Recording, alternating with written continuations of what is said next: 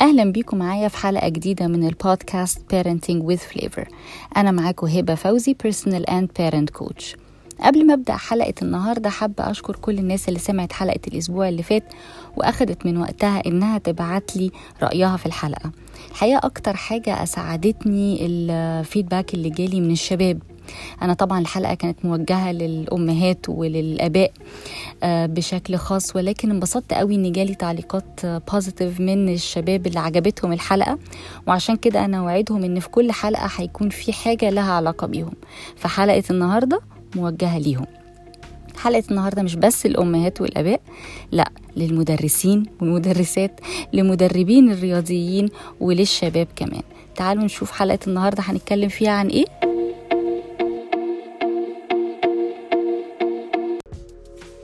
هكلمكم النهاردة عن تحدي بيقابلنا كأمهات وأباء في بداية كل عام دراسي ولكن السنة دي كمان زايد شوية بعد فترة الغلق اللي كنا فيها.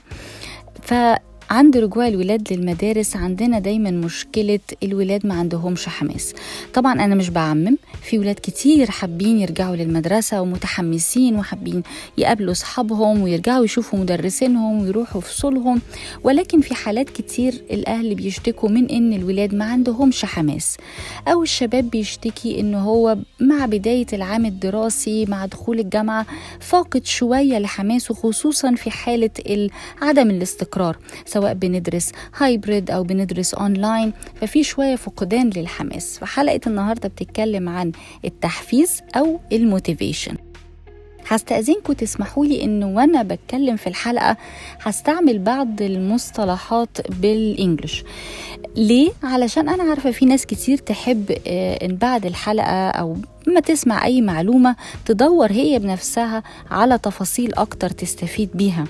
فبالتالي أنا بسهل عليكم ده إن أنا بقول المصطلح العلمي اللي هنبقى بنتكلم فيه في الحلقة علشان اللي حابب يقرأ أكتر أو يستفسر أكتر عن الموضوع ده فيقدر يلاقي المعلومة بسهولة. وبالذات الشباب أنا عارفة إن هم ما بيحبوش ياخدوا معلومة كده وخلاص لأ يحبوا يدوروا ويبحثوا. فبالتالي النهارده حلقتنا هتكون عن الموتيفيشن هنقسم حلقتنا النهارده لجزئين. الجزء الأولاني هكلمكم فيه عن معنى التحفيز وطبعا معظمنا عارفينه ولكن هحب أشرحه بشكل مبسط وأنواع التحفيز المختلف. والجزء التاني من حلقتنا هتكلم فيه عن عناصر التحفيز اللي هي الأشياء البسيطة اللي لو ركزنا عليها فعلا هنكون عامل مساعد في حياة ولادنا يخليهم يبقى عندهم حماس أو إقبال على ما يقومون بفعله بشكل مفيد وصحي ليهم. نبدأ الجزء الأول من حلقتنا. إيه هو التحفيز؟ التحفيز في تعريفه هو عبارة عن أي فعل أو قول بيقوم به الشخص حتى يحث الشخص اللي قدامه على أداء مهمة أو فعل معين بإقبال و بحب لو أمكن. طيب أنواع التحفيز إيه؟ الحقيقة ال psychologists لما اتكلموا عليها ومين لي أنا النهارده كلامي مقتبسة من نظرية اسمها self determination theory عملوها اتنين psychologist اسمهم Deci والتاني اسمه راين تقدروا تقروا فيها أكتر لو حبيتوا. أنواع التحفيز اللي أنا هكلمكم عنها النهاردة هختصرهم لكم في ثلاثة okay؟ النوع الأول وهو التحفيز الداخلي أو اللي بنسميه intrinsic motivation والنوعين التانيين يعتبروا الاثنين تحفيز خارجي أو extrinsic motivation ولكن نوع منهم مفيد ونوع منهم مضر. إذا الثلاث أنواع اللي هنتكلم عليهم من التحفيز تحفيز داخلي من داخل الشخص الذي يقوم بالمهمة وتحفيز خارجي مفيد وتحفيز خارجي مضر. تعالوا نشوف معنى كل واحد منهم مع بعض الأمثلة البسيطة علشان نبقى فاهمين ده شكله إيه في حياتنا اليومية.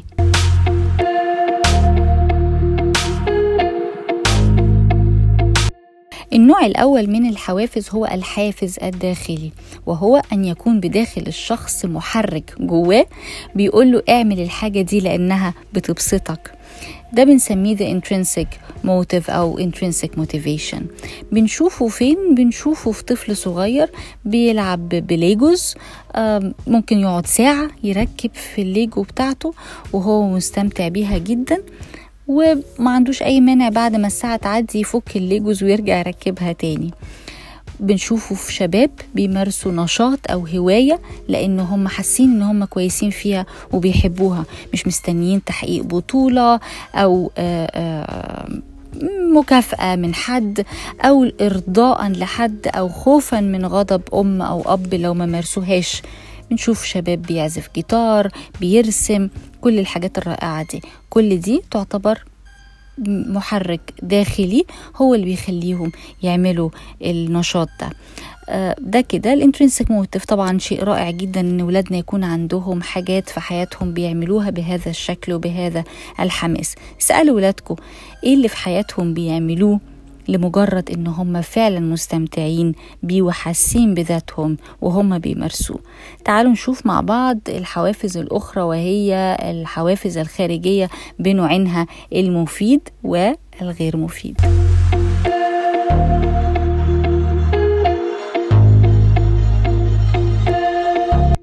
تعاملنا اليومي مع أولادنا ومع الطلبة في المدارس بنقع كده في مطب من غير ما ناخد بالنا وهو إن إحنا نربط أي حاجة بيعملوها بثواب أو عقاب. بنعتقد إن إحنا كده بنحفزهم. لما لو طلعت الأول هننزل نجيب هدية اللي نفسك فيها. لو خلصت طبقك هحبك. طب هو لو ما خلصش طبقه هبطل أحبه؟ لو عملت الواجب هسيبك تلعب PlayStation زي ما أنت عايز. اللي هيجيبوا الفول مارك هنحطهم على لوحة الشرف. طب هو اللي مش هيجيبوا الفول مارك وعملوا اللي عليهم تماما دول وضعهم إيه؟ هنا للأسف غصب عننا من غير ما نقصد خلقنا ارتباط شرطي ما بين المهمة أو الشيء اللي المفروض يكون الإنسان بيعمله عن قناعة يعني إنه مقتنع إنها شيء مهم لحياته ربطت ارتباط شرطي بينها وبين النتيجة اللي هيوصل لها. فيخلق عند الطفل دايما شخصية عايزة حاجة معينة. طب هتعملي لي إيه لو كسبت البطولة؟ آه لي إيه لو اتمرنت النهارده كويس؟ وهكذا. طبعا ده شكل إحنا عايزين نتجنبه جدا في حياة ولادنا لأنه مش هو ده الصحي مش هو ده اللي نفسنا نشوفه. إحنا عايزين نشوف شخصية مسؤولة معتمدة على نفسها فاهمة ال ال ال الأهمية كل حاجة بتعملها في حياتها شكلها عامل إزاي. هل ده معناه إن أنا أبطل أكافئ ولادي؟ هل ده معناه إن أنا أبطل أحفزهم أو أشجعهم؟ لا طبعا ولكن كل شيء بالمعقول كويس. بمعنى إن أنا بلاش أربط النتيجة أو الحاجة اللي في بالي إن أنا أعملها لو حسيت انه هو عمل اللي عليه من قبل ما يعمل اللي عليه. ممكن جدا بنتي بعد ما تخلص البطولة آه وتطلع فعلا في مركز متقدم أو أحس إنها عملت اللي عليها فعلا في البطولة أو لا أنا عايزة أكافئك. انت فعلا النهارده أثبتي إن انت قد المسؤولية واخدها ونخرج أو اخدها وأجيب لها حاجة كان نفسها فيها. فبالتالي ما تخلقش عندها الارتباط قبل ما تدخل البطولة ولكن دي حاجة حفزتها بعدها حتى لو كانت زي ما بنقول ما عملتش المركز الأول أو ما حققتش الإنجاز بالكامل. ده كده الشكل الصحي للمكافآت. طيب هل كل ما هو نتيجة خارجية أو حافز خارجي يعتبر مضر؟ لا طبعا. النظرية اللي بنتكلم عليها قالت إن بعض الحوافز الخارجية تعتبر مفيدة وصحية. تعالوا نشوف مع بعض شكلها بيكون عامل إزاي. نتكلم على الحافز الخارجي المفيد. هو إن لما يكون الشخص حاطط قدامه لنفسه حافز خارجي بيخلق عنده قناعة بالفعل اللي هو بيقوم بيه حتى لو هو مش حابه قوي يعني إيه؟ يعني مثلا لو قلنا مثال لشاب 14 16 سنة مراهق بيلعب رياضة هو مختارها وهو بيحبها الرياضة دي محتاجة منه طبعا إن جسمه يكون فت وإنه يكون بياكل أكل مفيد فمقرر إن هو يوميا هياكل سلطة وفاكهة مع إنه مش بيحبهم. فهنا الحاجة اللي هو بيعملها هو مش حاببها قوي اللي هي أكل السلطة والفاكهة ولكن هو مقتنع بنتيجتها. فالحافز الخارجي اللي عينه عليه هو نجاحه في رياضته اللي هو اختارها صحته اللي هو عايزها تكون كويسة. فده طبعا حافز خارجي رائع جدا إنه يخليه يعمل عمل كويس وهو الأكل الصحي. مثال تاني شباب جميلة جدا أعمارها ما بين برضو 14 16 20 وهم عارفين نفسهم ولو هم بيسمعوني دلوقتي الشباب دي بت بتقوم بأعمال خيرية تطوعية تماما. بينزلوا آه، الصعيد وأماكن بعيدة عند ناس غلابة قوي قوي بيعملوا بيبنوا بإيديهم بيوت للناس دي. بيعملوا حملات تبرعات ويجمعوا فلوس ويروحوا يشتروا حاجات ويشتغلوا في رمضان في الصيف في حر في برد. هم مش مستنيين مقابل مادي. ولكن النتيجة اللي هم شايفينها في الآخر وهي القيمة اللي بيضيفوها لحياة الناس دي في توافق بينها وبين حاجة جواهم. وهي آه، آه، العمل هي اللي بتهون عليهم طبعا العمل المرهق اللي هم بيقوموا بيه. فده طبعا برضو حافز خارجي رائع جدا. من ضمن الحوافز الخارجية برضو المفيدة اللي أنا عارفة أن الأمهات دايما عايزين نتكلم على الدراسة والمذاكرة. آه، آه، لما طالب يقرر أنه هو يوميا عايز يخلص مذاكرته وواجباته وكل اللي عليه على أكمل وجه عشان ينزل يروح التمرين اللي هو بيحبه نختار رياضة معينة بيحبها فهو اللي عايز يروح التمرين. فبالتالي عارف داخليا إن أنا هخلص كل اللي ورايا بشكل كويس عشان أنزل.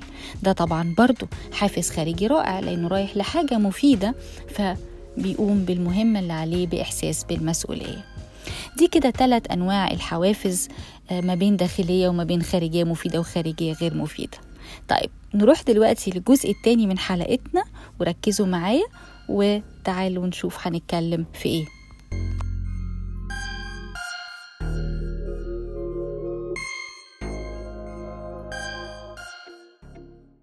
دلوقتي هكلمكم على عناصر التحفيز الناجح.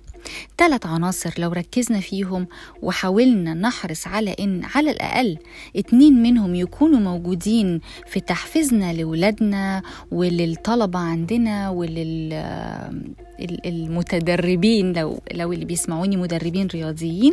لو حرصنا على خلق اتنين أو ثلاثة من العناصر اللي هتكلم عليهم دول يبقى كده إحنا نجحنا تماما في خلق جيل كامل عنده آه، آه، أهداف وعنده شخصية فيها فعلا إحساس بالمسؤولية. إيه هم الثلاث عناصر اللي كلمونا عنهم العلماء وبيقولوا هم دول المهمين اللي بيخلوا الشخص يا إما يبقى عنده حافز داخلي أو حافز خارجي مفيد. هقول لكم الثلاث عناصر وبعدين هكلمكم على كل واحد بالتفصيل. العنصر الأول هو عنصر الإحساس بالكفاءة وهو ما نطلق عليه competence. I can do it. إحساس إن أنا أستطيع. العنصر الثاني هو عنصر الأوتونومي أو الإدارة الذاتية أو بنسميه بمنتهى البساطة الاختيار وهو إن الشخص يحس إن عنده اختيارات. العنصر الثالث هو العلاقة والترابط. بين الشخص وبين المهمة اللي بيقوم بيها أو بين الشخص وبين المحيط اللي بيقوم بالمهمة من خلاله. طيب تعالوا نشوف أمثلة لكل واحدة من التلاتة بسرعة علشان ما بقاش بطول عليكم لأن دول مهمين قوي لنا كأهل والشباب عايزاكم تركزوا معايا قوي إزاي تخلقوا لنفسكم العناصر دي وانتوا بتعملوا أي حاجة في حياتكم وانتوا بتذاكروا وانتوا بتشتغلوا. آه فكروا إزاي تخلقوا لنفسكم كل عنصر من الثلاثه دول. العنصر الأول وهو عنصر الكفاءة أو I can do it. لما بحسس ولادي إن أنا عندي ثقة في قدراتهم والثقة دي خلي بالكم لازم تكون فعلا من جواي. إن أنا واثقة في قدراته واثقة إنه يستطيع أن يقوم بالعمل بشكل جيد. الثقة هنا على فكرة أو موضوع الكفاءة الثقة في الكفاءة مش الثقة في إنه يجيب النمرة النهائية أو الثقة في إن هو يطلع الأول في البطولة أو الثقة في إن هي تتقن عزف البيانو وتبقى العازفة الأولى في فرقتها. لا. الثقة في إن هم يعرفوا يعملوا اللي عليهم. فمش شرط إن تكون النتيجة هي آه، آه، التوب ولكن مجرد اني بوري له إن عندي ثقة في إنه بيعمل اللي عليه واثقة فيه ايا كانت النتائج ده بيخلق عنده حافز وبيخلق عنده أريحية وحماس وهو بيشتغل في أي حاجة سواء في مذاكرة سواء في رياضة. طيب العنصر التاني اللي هو إيه؟ عنصر الاختيار. كلما شعر الإنسان بأنه عنده اختيارات كلما زاد حماسه وشعوره بالمسؤولية. شيء طبيعي. حدي مثالين مثال من بيوتنا ومثال من فصولنا للمدرسين. المثال من بيوتنا لحظة دخول الولاد يوميا من المدرسة. دي لحظة في بيوت كتير بيبقى فيها شوية صراعات. ادخل غير هدومك خد دش تعالى اتغدى اقعد حل الواجب. مفيش ساعة ساعتين بسرعة يلا عشان هنروح التمرين وهكذا. الفقرة دي بتبقى مليانة ضغوط والطفل بيبقى جاي اوريدي من المدرسة بعد يوم طويل وفي طلبات كتير ومن الحصة دي للحصة دي فبيبقى فعلا محتاج شوية أريحية. فكروا كده لو الفقرة دي حطينا فيها بعض الاختيارات وهم داخلين آه أنت شكلك مرهق تحب تقعد ترتاح شوية على الكنبة ما تعملش أي حاجة وبعدين تتغدى ولا تحب تتغدى الأول؟ طب تحب تاخد الدش الأول ولا تتغدى الأول؟ طيب آه وأنت بتذاكر هتحب تبدأ بإيه؟ هتحب تبدأ بواجب الماث ولا واجب العربي؟ شوف أنت عايز تبدأ بإيه. كلما حس الطفل إن هو هيختار هيحس فعلا بالمسؤولية. إيه ده؟ ده أنا مسؤول عن قراري. هاخد قرار ولازم هبقى قده. مش لازم على فكرة الماث يتحل الأول وبعديه العربي. هو لو هو بيحب الماث ممكن يبدأ بمادة مش مفضلة قوي عنده علشان هو لسه جاي fresh فيعملها وبعد كده زي بنقول يحلي بال math أو يحل ال math في الآخر اللي هو بيحبه أو العكس. فنديهم اختيارات ده هيعلي عندهم إحساسهم بالمسؤولية. طب لو اتكلمنا على مثال من فصولنا أصدقائي وصديقاتي المدرسين لما نيجي نطلب من الولاد مشروع معين في project مطلوب منكم إنكم تنفذوه عن الموضوع الفلاني عن ال details عن ايا كان الموضوع اللي عايزين ولادنا أو الطلبة عندنا يتكلموا فيه. حابين تعملوا ده إزاي؟ حابين تعملوه على لوحة؟ حابين تعملوا presentation حابين تمثلوه؟ حابين تعملوا بشكله إيه؟ أديهم الاختيار. كل ما طالب هيختار هو هيعمل المشروع إزاي هبتدي أطلع من جواهم طاقات وهشوف إبداعات ما كناش متخيلينها. إدوا ولادكم اختيارات إدوا الطلبة اختيارات وما تخافوش. أنا عارفة إن إحنا بنخاف شوية من حتة الاختيارات دي. إدوهم الاختيار خليهم يتعلموا. هو ده فعلا اللي هيديهم الحافز والإحساس بالمسؤولية. طيب تعالوا نشوف ثالث عنصر وآخر عنصر معانا النهارده وهو عنصر العلاقة والترابط.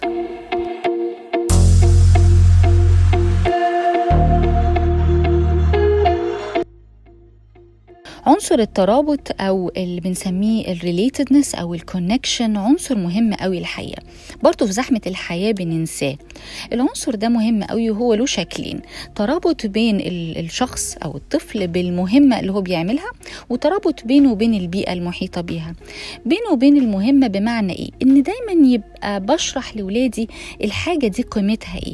أهمية المذاكرة أهمية كل مادة على حدة ليه هي مهمة؟ ليه مهم يتعلم الساينس؟ ليه مهم يبقى كويس في العربي؟ ليه مهم يبقى الدراسات أو الجغرافيا أو التاريخ يبقى فاهمهم. بفهمهم بقرب لهم الدنيا.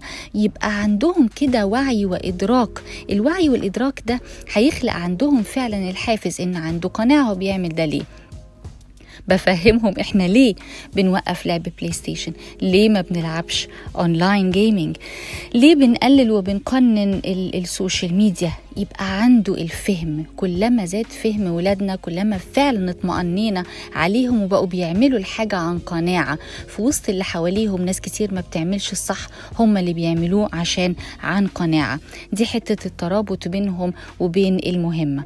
الحاجة التانية الترابط بينهم وبين البيئة. دي بيوت كتير طبعا موجودة. هي حتة الكونكشن بيني وبين ولادي. دي بقى أخص بيها بصراحة المدربين والمدرسين. خلوا الطلبة يحبوا حصتكم. صاحبوهم قربوا منهم. انزلوا أنتوا لعقلهم ما تحاولوش تشدوهم لفوق.